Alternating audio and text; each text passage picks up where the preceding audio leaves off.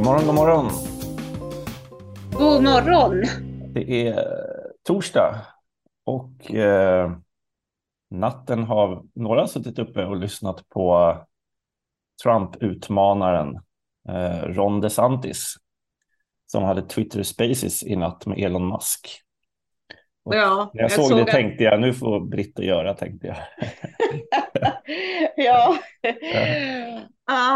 Vilken galenskap, vilken galenskap. Eh, men man kan, jag ser ju att Aftonbladet har en kort notis där man konstaterar tekniskt haveri eller så. Och det var ju det de första 25 minuterna. Men mm. häromdagen eh, gav vi ju lite insikter i de stora funderingar hos eh, eh, Trust and Safety-teamet på Twitter när de skulle stänga av Donald Trump med 80 miljoner följare. Mm. Vad som skulle hända då. Eh, och eh, i det här sammanhanget så börjar ju hela Twitter Space-sändningen med mycket snack om de tekniska problemen de har. Så Elon Musk med sina 140 följare, eh, det har ju testat Twitter till det yttersta. Så miljoner. han använder ju 140 miljoner. Ja. Eh, så han eh, eh använder ju entreprenören och affärsängeln eh, eh, David Sachs konto mm, mm. Eh, när eh, utfrågningen börjar. Och det, det är ju mer än hela, hela paraden av vilka som då får komma till tals i något som presenteras i, som den otämjda ut yttrandefriheten, untamed free speech. Mm. Och eh, återkommande eh, är ju ett otroligt hyllande av Elon Musk som ger det här utrymmet, eh, eh, den tydliga liksom, positioneringen gentemot den hårt vinklade styrande eliten, inklusive eh, traditionella medier.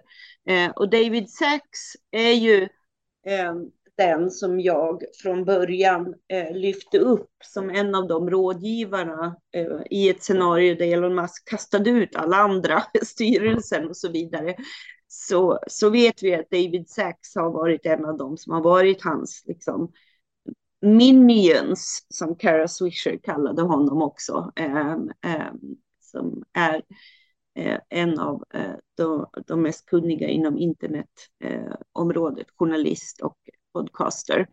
Eh, och, och eh, David Sachs var ju den som eh, jämförde köpet av eh, Twitter som Musk gjorde med bety den betydelsen den har för eh, världspolitiken med Berlinmurens fall.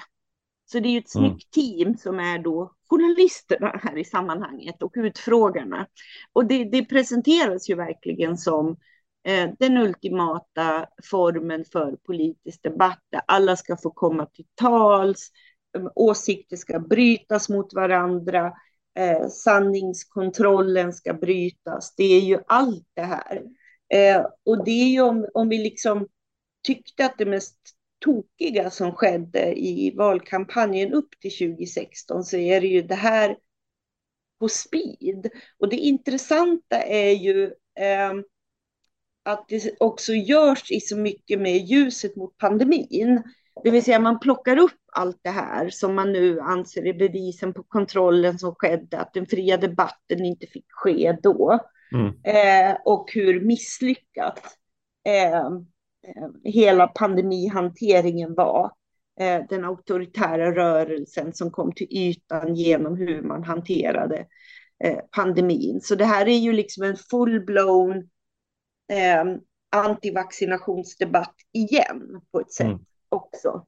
Eh, och, och sådana här eh, återkommande resonemang om att här får kandidaterna prata direkt till väljarna och samtidigt en gigantisk eh, reklamkampanj för Elon Musk. Och, eh, han fick säga att Twitter var dyrt, men det finns inget pris på yttrandefrihet. Och, eh, supportande kongress eh, eller eh, republikanska politiker som, som stöttar Ron DeSantis kommer ombord, kommer uh, joinar Twitter Spaces och säger att jag var den första kongressledamoten som köpte en Tesla och mm. så vidare. Mm. Du, du, kan förstå settingen på något mm. sätt.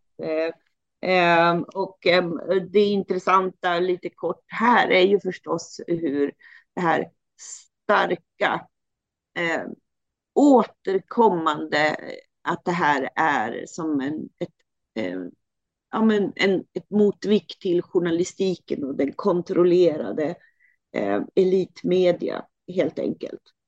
Ehm, och sen är ju Ron DeSantis i sig som kandidat intressant, men det är väl klart att det är samtidigt intressant att han väljer att kandidera på Twitter efter också hur Twitter har utvecklat sig och hela den eh, diskussionen och också han eh, som politiker. Så att ordet woke återkommer ju väldigt många gånger under ja, den här ja, tiden. Så det är också därför det känns som, det här är ju 2014 all over again. Ja, ja. På ett sätt som är, man får lite kaninpuls utav eh, det här.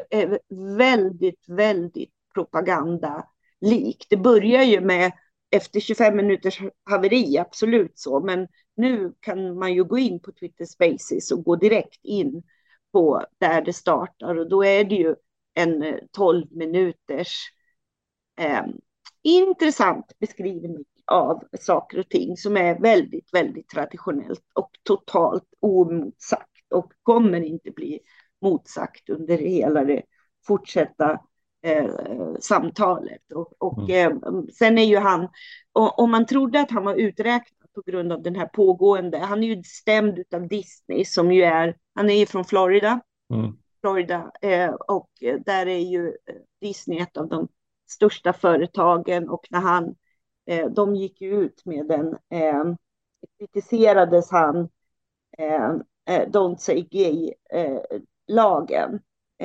och Visst, man, fick inte, ju... man fick inte prata om sexualitet i klassrummen i skolorna. Exakt.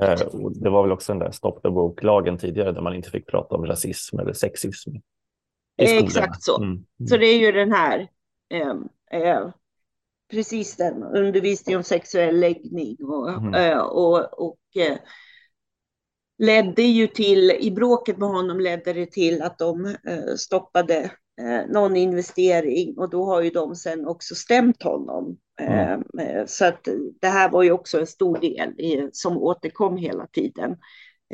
Men det har man ju trott att den här kommer ställa till med problem, den här troligtvis utdragna processen kring den här stämningen. Mm. Men eh, det här kommer ju vara själva bottenplattan i mm. att det här ska motarbetas. Den här woke-trenden eh, ska motarbetas. Det var ju liksom det som är i fokus. Mm. Ja, mycket intressant måste man ju ändå säga i sammanhanget. Mm. Eh, Woke-mobben ska ju fortsätta bekämpas. Det är ju att väcka verkligen Donald Trumps kärnväljare och prata om att eh, restore sanity och ta tillbaka sanningen och alla de här orden som ju är formulerade eh, och vinklade på ett sätt som gör att det verkligen för tankarna till eh, otroligt mm. lika det som man anklagar andra för att vara. Auktoritär propaganda på något sätt. Mm. På um, ehm, hemmaplan så har väl svenska kulturkriget senaste inslag.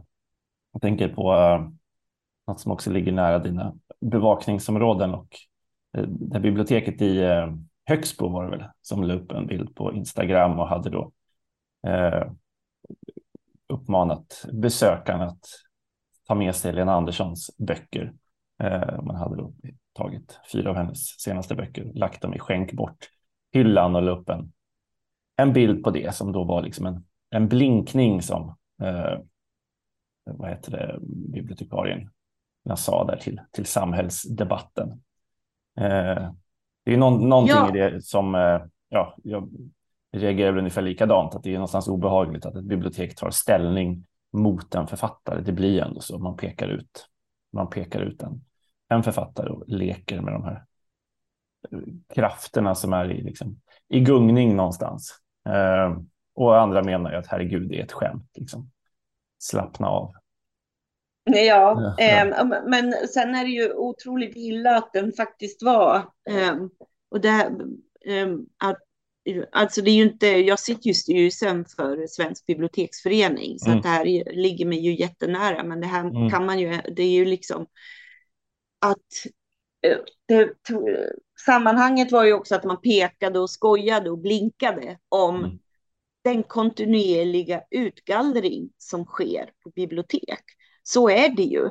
Ja, den är eh, helt okontroversiell, och, men det, den ja. blir ju debatt om ibland. Det, jag menar, det är ju ändå så att böcker också makuleras och bränns. Och. Alltså att det, det måste ges plats Exakt. för nya. Det, det, är ju fullständigt okontroversiellt, men den, ja, det, det blir ju ibland liv om också. Men nej, den, men retoriskt koppla samman ja. den. Det var ju inramat så i själva ja, Insta-inlägget. Ja, ja, Och det är ju jätteproblematiskt, för om vi mm. tänker på hur, hur också bibliotek har attackerats för de böcker som man fysiskt inte har på plats. Mm. Ekerö mm. bibliotek utsattes ju nog otroligt efter att eh, Tino Sanandajis bok Utmaningen eh, eh, eh, inte fanns på plats utan man hänvisades till fjärrlån för mm. den.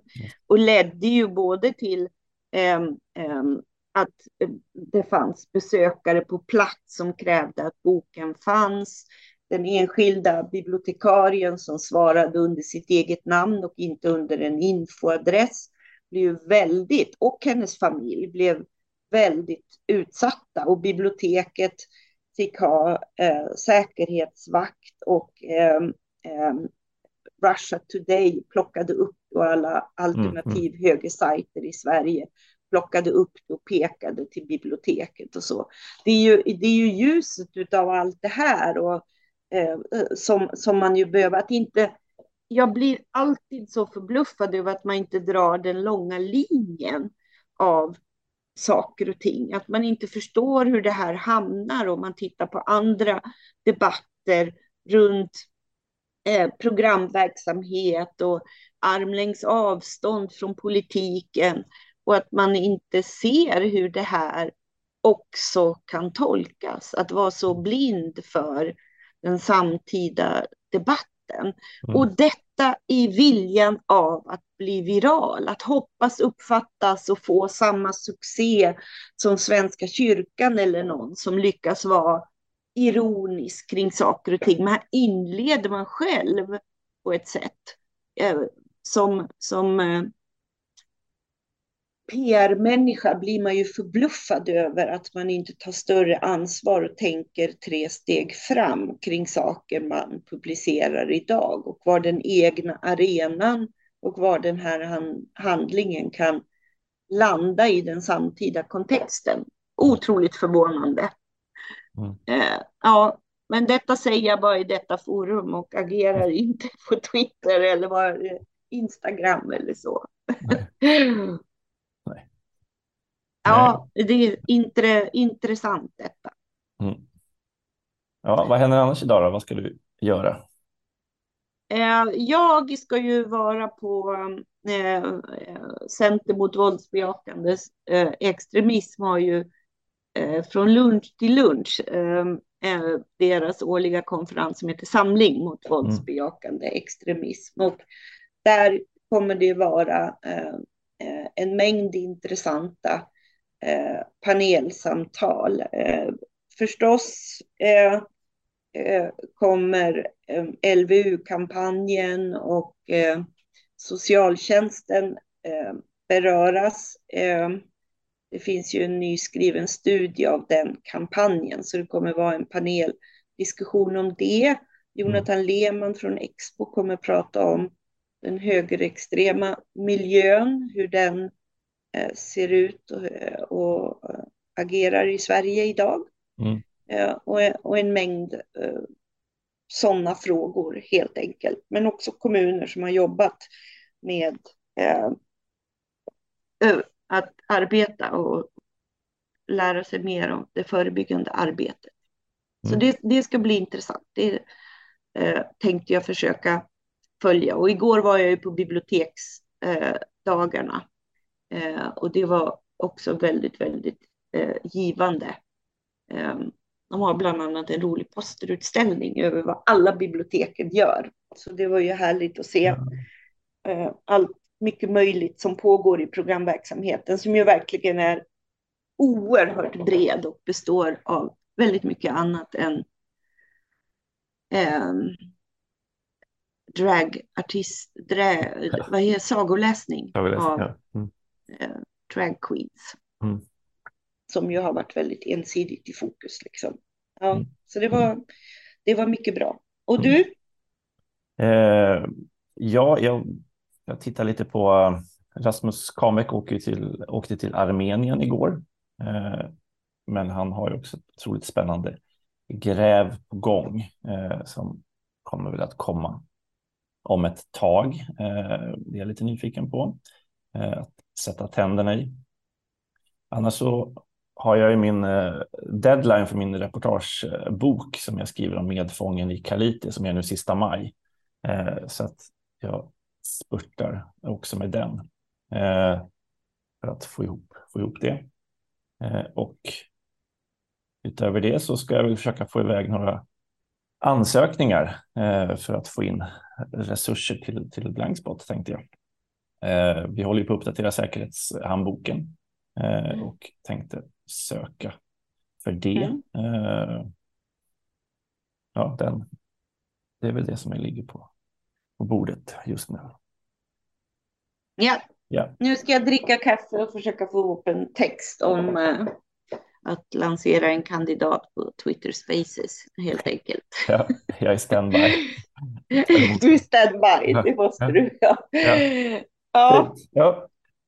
Ha en fin dag. Tack alla ni som lyssnar eh, och eh, gå in och stötta vår kampanj för 2023 om ni inte redan har gjort det så vi kan fortsätta göra journalistik. Och Morgonpodden är tillbaks imorgon fredag och då är det en redaktionspodd med Rasmus Kamek som är direkt från Armenien.